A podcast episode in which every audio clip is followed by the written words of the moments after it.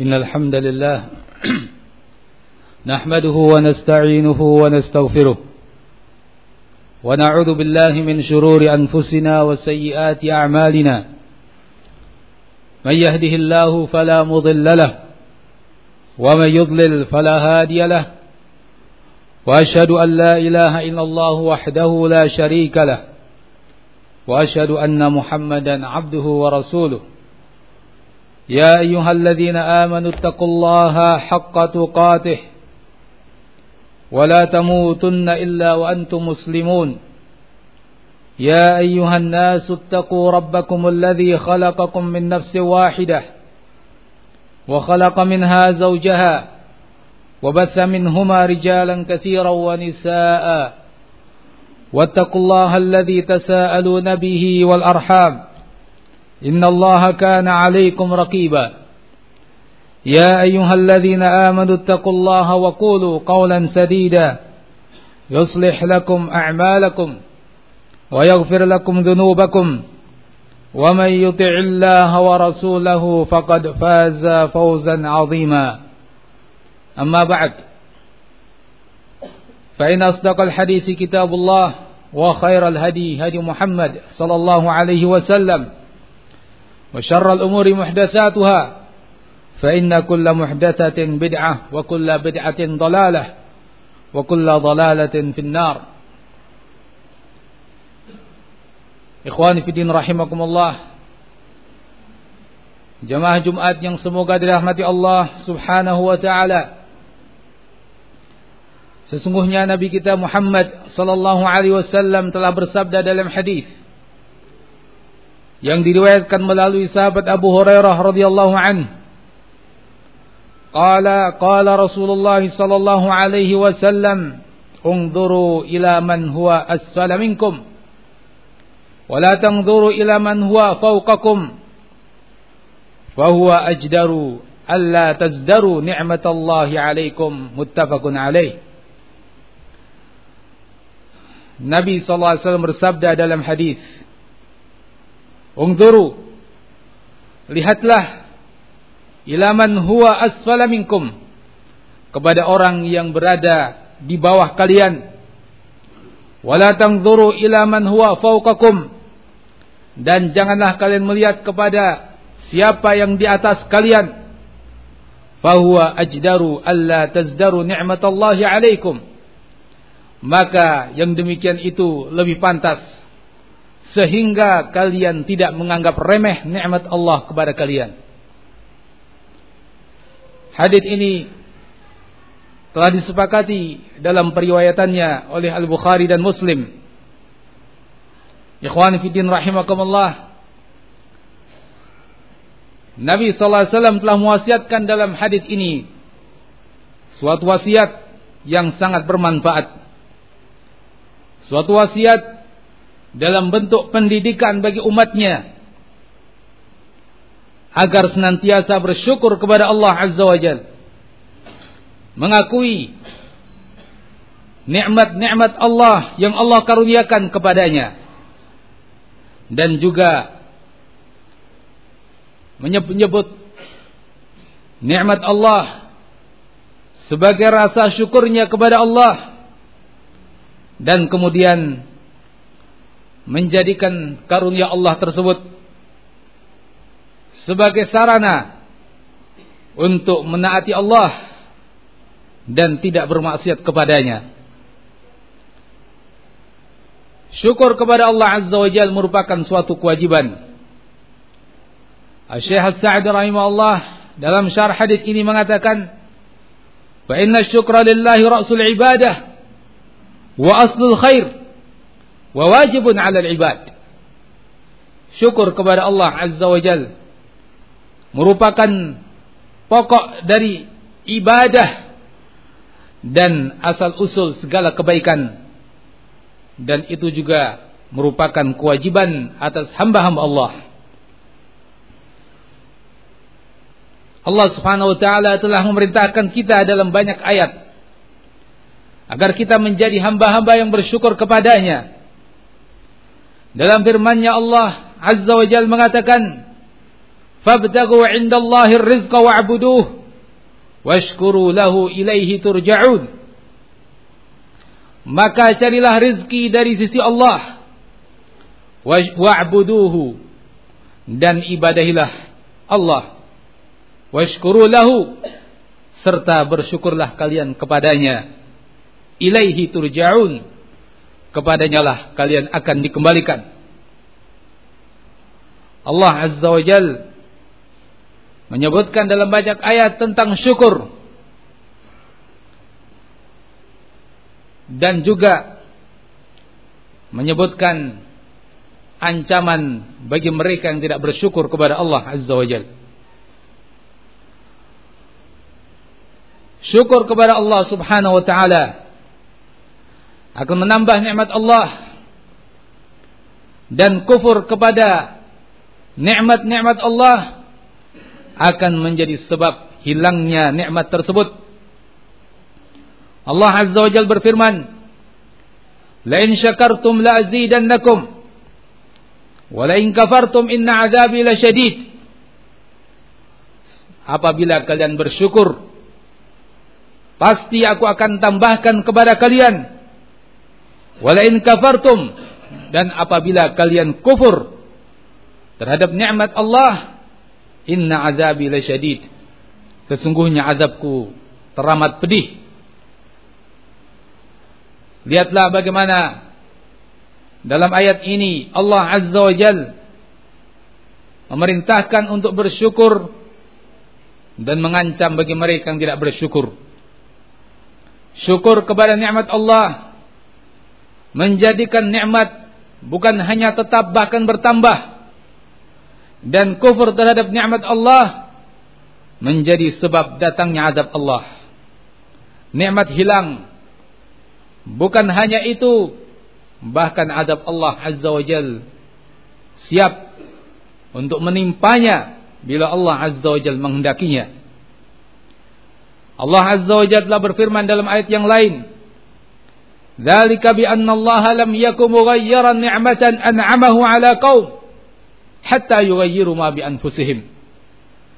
Hal itu karena Allah Azza wa Jalla lam yakum mughayyiran ni'matan tidak akan merubah suatu nikmat yang Allah karuniakan kepada suatu kaum hatta yughayyiru ma bi anfusihim sehingga merekalah yang merubah yang ada pada diri mereka sendiri saat mereka kufur kepada nikmat Allah tidak mensyukuri nikmatnya berubahlah keadaan dari kenyamanan menjadi kondisi yang mencekam.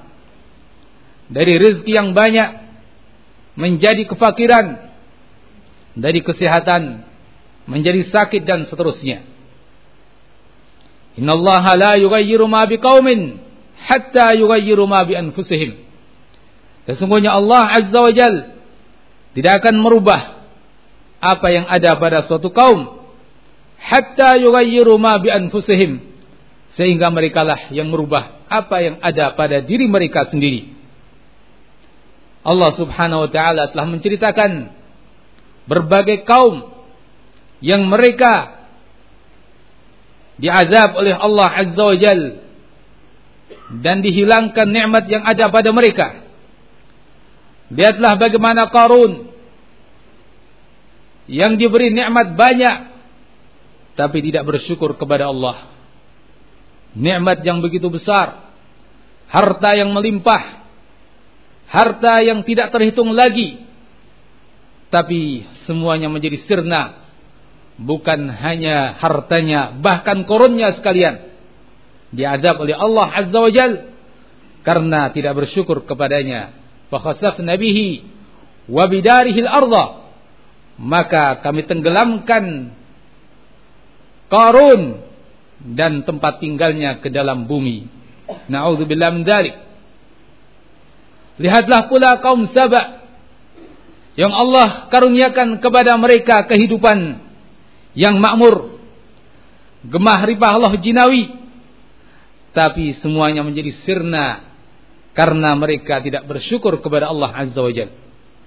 Allah pun menceritakan dalam surat Saba agar menjadi ibrah pelajaran bagi kaum yang datang setelahnya Allah berfirman laqad kana li sab'in fi maskanihim ayah jannatani an yamini wa shimal kulu min rizqi rabbikum mashkurulah baldatun tayyibatun wa rabbun ghafur.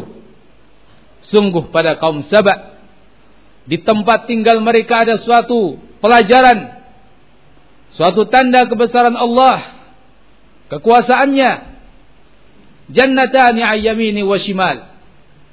Dua kebun yang berada di kiri dan kanan mereka Kulu mir rizki rabbikum mashkuru lahu. Makanlah dari rizki karunia Rabb kalian. Washkuru lahu. Dan bersyukurlah kalian kepada Allah. Inilah perintah Allah.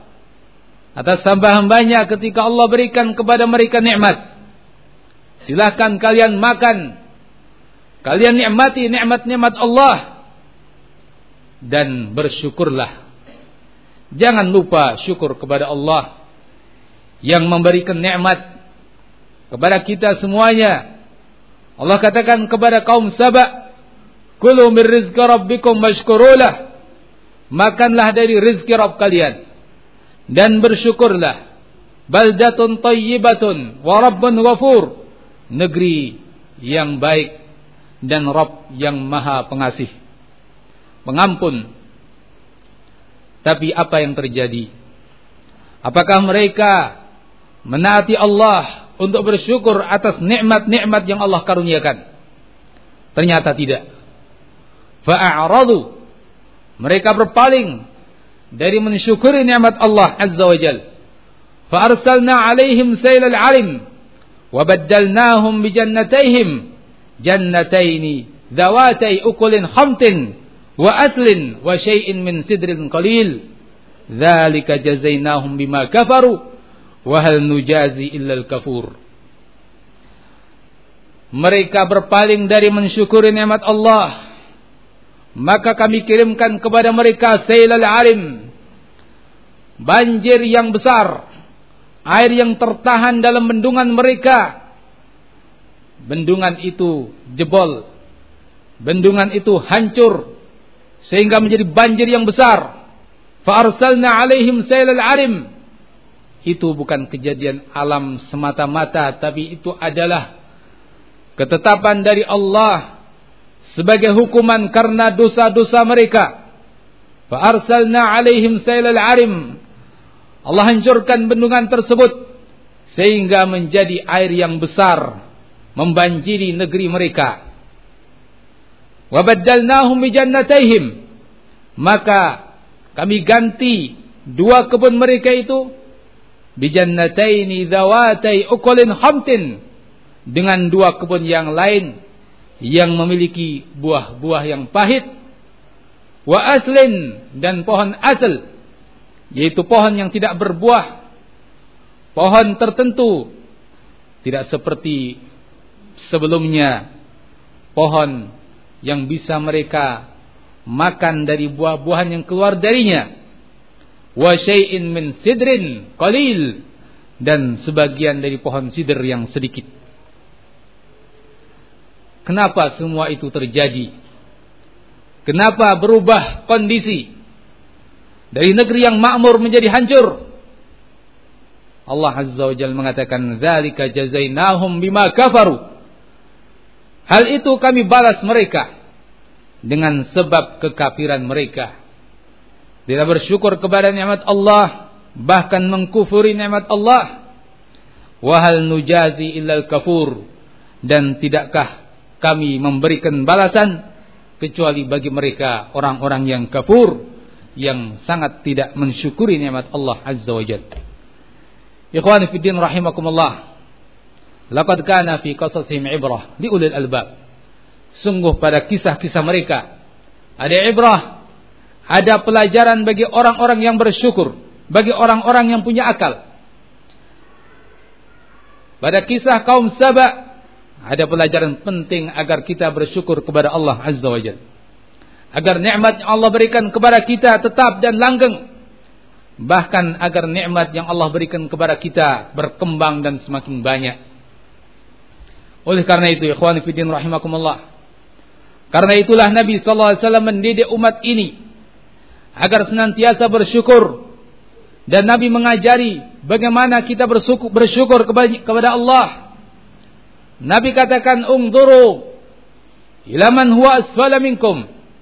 Lihatlah kepada orang yang berada di, di bawah kalian. Wala tanzuru ila man huwa fawqakum.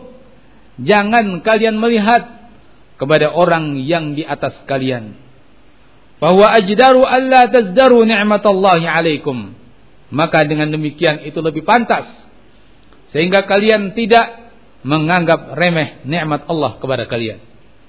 Suatu tarbiyah dari Nabi sallallahu alaihi wasallam pendidikan dari Nabi SAW kepada umat ini agar bisa senantiasa bersyukur kepada Allah Subhanahu wa taala dengan kita melihat golongan yang di bawah kita kondisinya sehingga kita bersyukur ternyata kita lebih baik daripada mereka tidak melihat kepada mereka yang di atas kita kondisi mereka sehingga kita merasa apa yang kita miliki teramat sedikit Kenapa mereka punya ini dan itu? Kenapa mereka mampu ini dan itu? Sementara saya hanya seperti ini saja. Akhirnya dia tidak bersyukur kepada Allah. Lalai, bahkan ingkar, dan bahkan buruk sangka kepada Allah Azza wa Jal. Dan tidak terima dengan takdirnya. Maka ikhwan fidin rahimakumullah. Dengan terbiah dari Nabi SAW. Maka insya Allah seorang muslim akan senantiasa bisa bersyukur apa pun nikmat yang Allah berikan kepadanya dia akan merasa ini adalah nikmat yang besar. Saya telah diberi lebih daripada yang diberikan kepada orang lain. Ja'alana Allah wa iyyakum mimman yastami'ul qawla fayattabi' ahsanah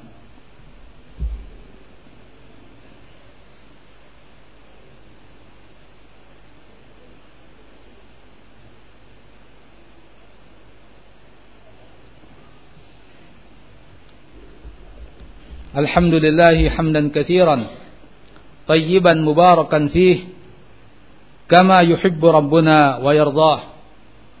والصلاة والسلام على خير البرية أزكى البشرية. محمد بن عبد الله وعلى آله وأصحابه ومن تبع هداه. أما بعد جماعة جمعة yang dirahmati Allah Azza wa Jalla Pada hadis yang tadi kita sebutkan berupa pendidikan dari Nabi sallallahu alaihi wasallam agar kita bersyukur kepada Allah. Tidak mengkufuri nikmatnya. Yaitu dengan cara kita melihat orang yang di bawah kita. Melihat orang yang kondisinya di bawah kita dari berbagai sisi. Dari sisi Misalnya kenikmatan akal. Dari sisi kenikmatan nasab. Dari sisi kenikmatan al-mal, harta benda. Dan dari berbagai sisi kenikmatan-kenikmatan yang Allah berikan kepada kita. Kesehatan, keamanan dan ketentraman dan seterusnya. Lihatlah mereka yang berada di bawah kita. Dari sisi akal. Alhamdulillah Allah Azza wa Jal memberikan kepada kita akal yang sehat. Memberikan kepada kita nikmat besar ini. Sementara kita melihat yang di bawah kita banyak orang-orang yang kurang dalam bab ini. Dari sisi nasab, Allah Azza wa Jal menjadikan kita sebagai seorang yang lahir dari nasab yang terjaga dengan ketaatan kepada Allah Azza wa. Di sana kita melihat pula orang-orang yang tidak peduli dengan hukum-hukum Allah dalam perkawinan sehingga nasab mereka tidak terjaga. Dari sisi harta Allah Azza wa Jalla telah memberikan kepada kita kecukupan untuk makan dan minum. Seandainya pun hanya pada hari itu saja kita memiliki suatu kecukupan, itu sudah wajib untuk kita syukuri. Karena di bawah kita dari sisi ini banyak yang tidak memiliki kecukupan. Lihatlah mereka yang berada di negeri-negeri yang dilanda kemiskinan. Di negeri-negeri yang dilanda peperangan. Di negeri-negeri yang dilanda musibah. Barangkali mereka di pagi hari belum memiliki apa pun. Sehingga mereka mesti mencari di hari itu untuk hari itu. Bersyukurlah kepada nikmat Allah Azza wa Jalla yang Allah berikan kepada kita ternyata di bawah kita banyak orang-orang yang kondisinya sangat memprihatinkan. Dalam kenikmatan yang lain nikmat kesehatan. Allah berikan kepada kita kesehatan. Dan di sana banyak orang-orang yang sakit. Kalaupun kita saat itu sakit di bawah kita banyak orang yang sakitnya lebih parah dari sisi keamanan. Allah karuniakan kepada kita keamanan dan ketentraman. Di tempat yang lain, negeri-negeri yang dilanda peperangan, mereka terusir dari negeri mereka. Mereka mesti meninggalkan rumah dan kekayaan mereka, membawa keluarga dan apa yang bisa mereka bawa ke tempat yang mungkin tidak menentu tujuannya. Ikhwani fiddin rahimakumullah. Nikmat keamanan adalah nikmat yang sangat besar. Nikmat ketentraman adalah nikmat yang sangat besar. Maka dari itu menjadi suatu hal yang wajib tentunya kita mensyukuri nikmat tersebut. Begitu pula nikmat-nikmat yang lain. Ikhwan fiddin rahimakumullah. Dan begitu seterusnya. Berbagai nikmat yang Allah karuniakan kepada kita. Hendaknya selalu kita menggunakan bimbingan Nabi untuk menilai nikmat itu kepada kita. Sehingga kita akan senantiasa merasa bahwa apa yang kita ada padanya merupakan nikmat besar dan kita akan bersyukur kepada Allah dan kita tidak akan mengkufurinya. Lihatlah pula sabda Nabi SAW yang lain mendidik kita untuk itu. Nabi bersabda dalam hadis, "Man asbaha aminan fi sirbihi, mu'afan fi jasadihi, indahu qutu yaumihi, faka'annama hizat lahu dunya bihadafiriha."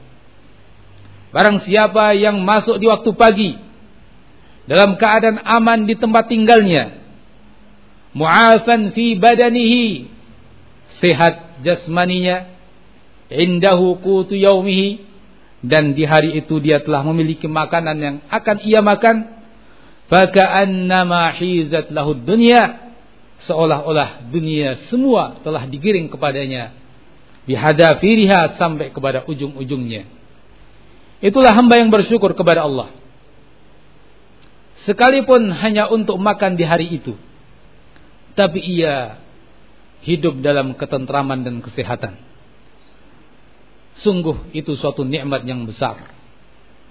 Suatu nikmat yang banyak orang tidak memiliki nikmat-nikmat itu secara lengkap. Ada yang sakit sekalipun punya harta yang banyak. Ada yang tidak aman sekalipun fisiknya sehat. Ada pula yang terkena semua musibah dalam hartanya, keamanannya dan kesehatannya. Maka ikhwani fidin rahimakumullah dengan ini semuanya seorang muslim akan terdidik untuk bersyukur kepada Allah Azza wa Jal di samping dia pun mesti mendukung dengan hal yang lain yaitu doa kepada Allah. Karena itulah tuntunan Rasulullah sallallahu alaihi wasallam. Nabi sallallahu alaihi wasallam mengajari doa kepada para sahabatnya untuk menjadi hamba yang bersyukur. Nabi mengatakan kepada Muad ibnu Jabal radhiyallahu an, "Ya Muad, inni uhibbuk, fala tad'anna an taqula dubura dubura kulli salatin maktubah." Allahumma a'inni ala dzikrika wa syukrika wa husni ibadatik. Wahai Muad, sungguh aku mencintai engkau. Maka saya berpesan, janganlah engkau tinggalkan untuk mengucapkan di akhir tiap salat wajib doa Allahumma a'inni ala dzikrik. Ya Allah, bantulah aku untuk bersyukur. Bantulah aku untuk berzikir kepadamu. Wa syukrika dan bersyukur kepadamu. Wa husni ibadatik dan beribadah kepadamu dengan baik. Doa Nabi ajarkan kepada sahabatnya agar menjadi hamba yang bersyukur. Nabi pun beliau berdoa. Bagaimana dengan yang lain? Nabi ajarkan dan Nabi contohkan salah satu doa yaitu Allahumma ja'alni laka syakkara laka dzakkara. Ya Allah, Jadikan aku seorang hamba yang senantiasa bersyukur kepadamu. Ya Allah, jadikan aku seorang hamba yang senantiasa berzikir kepadamu. Demikian ahibati fillah rahimakumullah tuntunan-tuntunan Nabi kita dan Rasul kita. Semoga Allah Azza wa Jal menjadikan kita hamba-hambanya yang senantiasa bersyukur. Allahumma ja'alna minasyakirin as-sabirin اللهم اجعلنا من عبادك الصالحين سبحان ربك رب العزة عما يصفون وسلام على المرسلين والحمد لله رب العالمين وأقم الصلاة